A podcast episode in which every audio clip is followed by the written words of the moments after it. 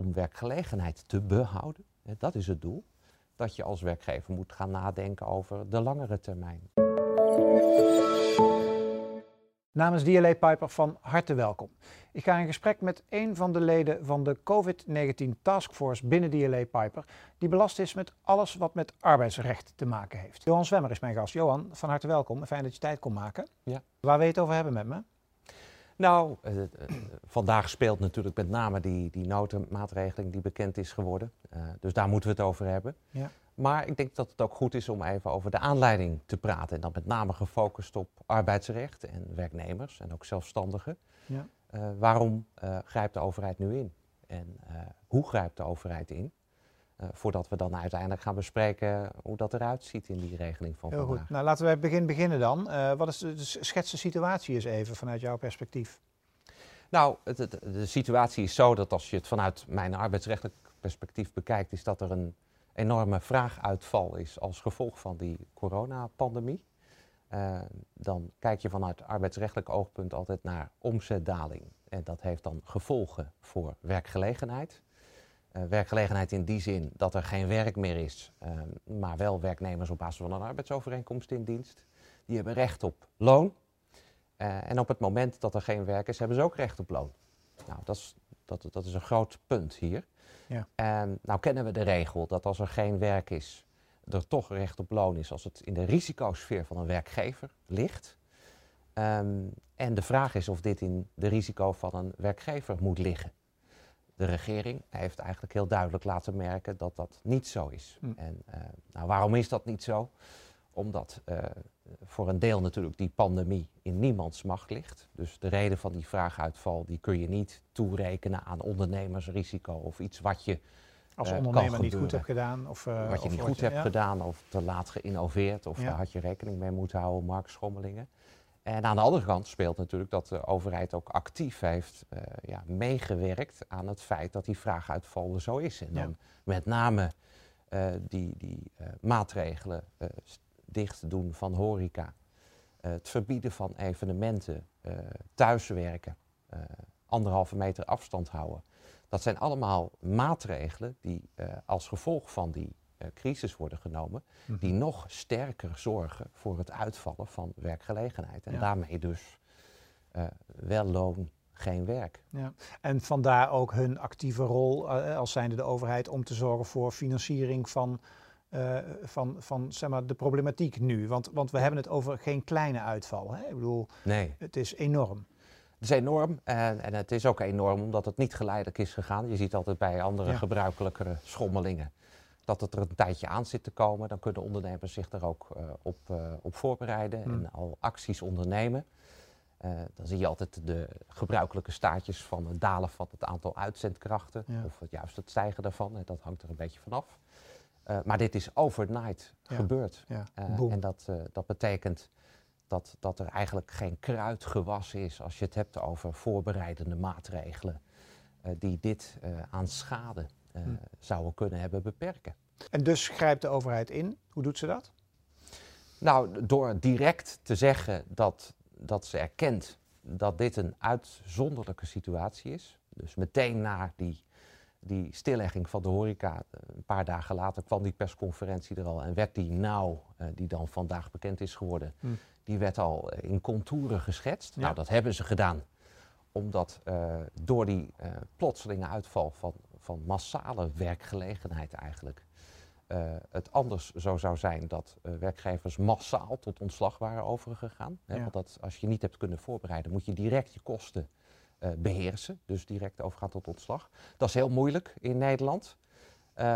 voor een deel van de werkenden. Enorm deel van de werkenden is of zelfstandig, dus die heeft geen werkgever. Die is ondernemer, dus die heeft geen inkomsten als er geen werk is. En een ander deel heeft een flexibel contract. Hm. En een flexibel contract heeft allerlei vormen. Maar de bottom line van zo'n flexibel contract is dat eigenlijk per direct het werk kan worden gestopt. Ook aan werkgeverskant hebben we natuurlijk verschillende soorten en maten natuurlijk. Hè? Als het gaat om eh, wie kan gebruik maken waarvan. Ja. Is dat helder? Nou, dat is vandaag helderder geworden. Ja. Uh, want bij werkgevers denk je dan meteen, ja, omzetverlies. En dat omzetverlies, dat is, dat is maatgevend of je die vergoeding krijgt hè, voor, die, uh, voor dat loon van die werknemers. Wat is een werkgever? Nou, een werkgever is in Nederland een rechtspersoon, hè, dus een, uh, een BV of een NV.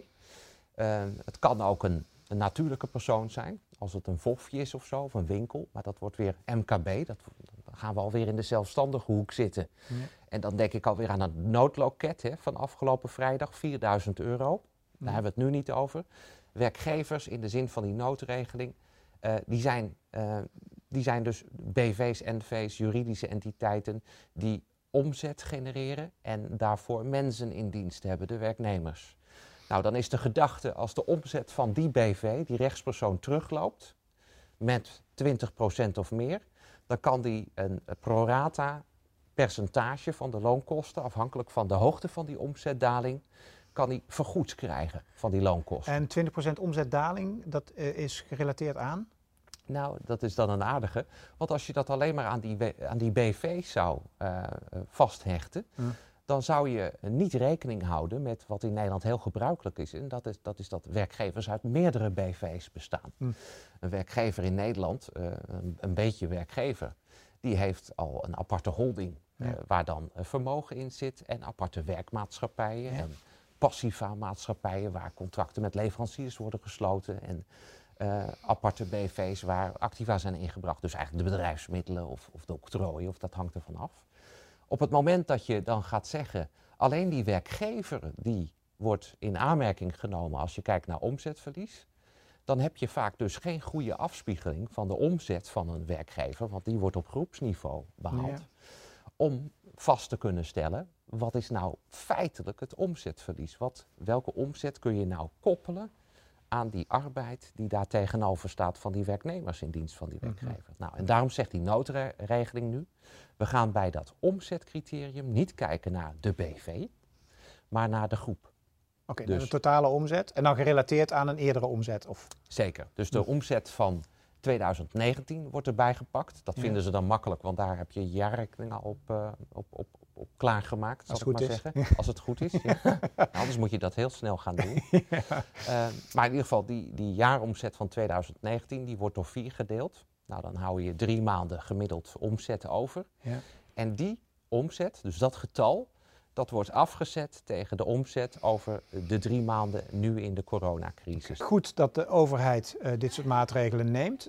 Is het, een, is het een pleister op de wonden? Ik bedoel, redden we het daarmee?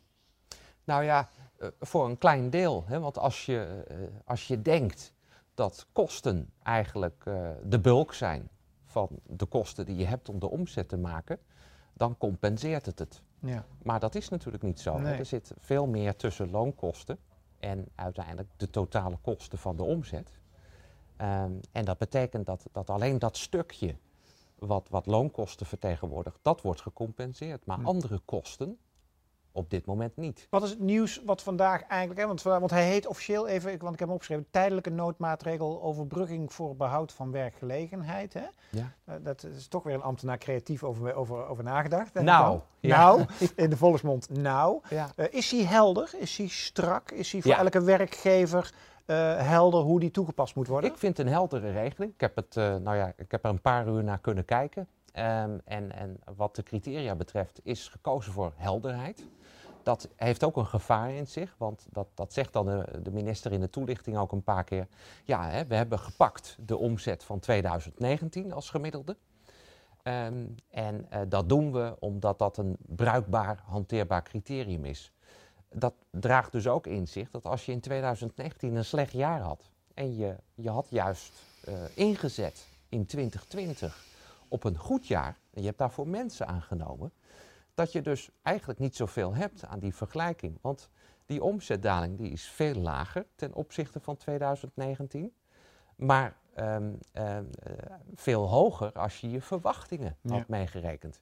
En, en dan ga je kijken in die noodregeling zelf en dan zie je eigenlijk niet zoveel ruimte om te zeggen, nou weet je, dan pak ik over niet 2019 mijn referentieomzet, om die daling vast te stellen, maar bijvoorbeeld over een paar maanden uit 2019. Ehm, En, en, en, en, en dat is natuurlijk Ja. eh, inherent. Hè? Als je Ja. zo'n snelle regeling wil invoeren, die, ervoor die, die, die er echt op toeziet, niet zozeer om werkgevers overeind te houden, maar vooral om werkgelegenheid te behouden, hè, dat is het doel, ja, dan wordt over dat soort finesses niet zoveel nagedacht. En dat betekent dus ook bijvoorbeeld, als, als, als, dat is ook omdat het logisch is, dat het ook nauw heet, omdat je die voorschotten op die loonbetalingen al binnen twee tot vier weken na de aanvraag, komende maandag, op je bankrekening kunt krijgen. Als Hmm. we daar allerlei hele fijnzinnige meetcriteria aan gaan toevoegen, Hmm. dan is dat niet te bereiken. Wat nou als ik werkgever ben en ik heb stel, een, ik heb een middelgroot bedrijf eh, en eh, ik heb een paar honderd mensen in dienst en het is het gewoon kommer en kwel. Eh, laat het een beetje bij de naam noemen en denk oké, een paar maanden, ik krijg wat compensatie als het gaat om loonkosten. Maar ja, uiteindelijk moet ik gewoon een heleboel mensen zeg maar, de laan uitsturen, anders Ja. gaat het kopje onder. Ja. Wat moet je dan als werkgever nu? Nou, als je gebruik maakt van die noodregeling, dan mag je niet, zegt de regeling heel letterlijk, eh, bij het UWV om toestemming vragen de arbeidsovereenkomst op te zeggen wegens bedrijfseconomische redenen. Dus je moet ze in dienst houden, ook al gaat het slecht. Dat is het. Nou, dan krijg je vergoed 90% van het loon van die werknemer tot een bepaald maximum, ruim 9000 euro is het. Daar zit in eh, een, een, een opslag forfaitair op werkgeverslasten. Eh, maar je voelt natuurlijk ook wel aan dat als je een werknemer meer betaalt dan 3, 4, 5000 euro per maand bruto, eh, dan word je niet helemaal gecompenseerd. Dus en niet 90%, maar ook, ook niet meer, zal Mm. ik maar zeggen. Dus, dus het blijft geld kosten eh, werkgever zijn. Nou, en het feit meegenomen dat die regeling tijdelijk is, maakt dus dat je als werkgever moet gaan nadenken over de langere termijn. Ook nu al. En wat werkgevers dus nu zullen doen, is denk ik eh, vooral kijken hoe lang duurt dit nog? Hoe lang gaat die vraaguitval de komende maanden nog duren? Eh, gaan we verwachten dat ook na juni eh, de markt ongunstiger zal blijven? Dus dat ook op de langere termijn, recessie wordt, er, wordt er over gesproken, de, de omzet lager zal blijven. Ja, dan gaan die werkgevers nu al nadenken over plannen om hun personeelsbestand te reorganiseren. Hmm. En dat is iets anders dan het UWV toestemming vragen voor opzegging. Dat is het voorbereiden van reorganisaties. Hoe zie jij die toekomst? In de middellange termijn, zeg maar, laten we zeggen Q3, Q4 2020? Ehm, nou, vanuit werkgelegenheidsoptiek, ehm, die natuurlijk weer direct afhankelijk is van hoe snel deze, eh, deze, deze crisis ophoudt. Hoe snel we weer gewoon allemaal naar buiten kunnen en kunnen gaan consumeren. En eh, omzet dus omhoog gaan krijgen van werkgevers. Eh, denk ik dat, ehm, eh, dat, dat dat zeker langer dan drie maanden gaat duren. Nu nog. Dus die totale vraaguitval, of bijna totale vraaguitval. En dat daarna niet eh, sprake zal zijn van het terugkeren naar de wereld van 29 februari eh, 2020. Hm, helder. Uh, dankjewel voor, voor je betoog en nou ja, heel veel succes met al je werkzaamheden de komende tijd. Ja, dankjewel. En namens DLA Piper bedankt voor het kijken. Dag. Música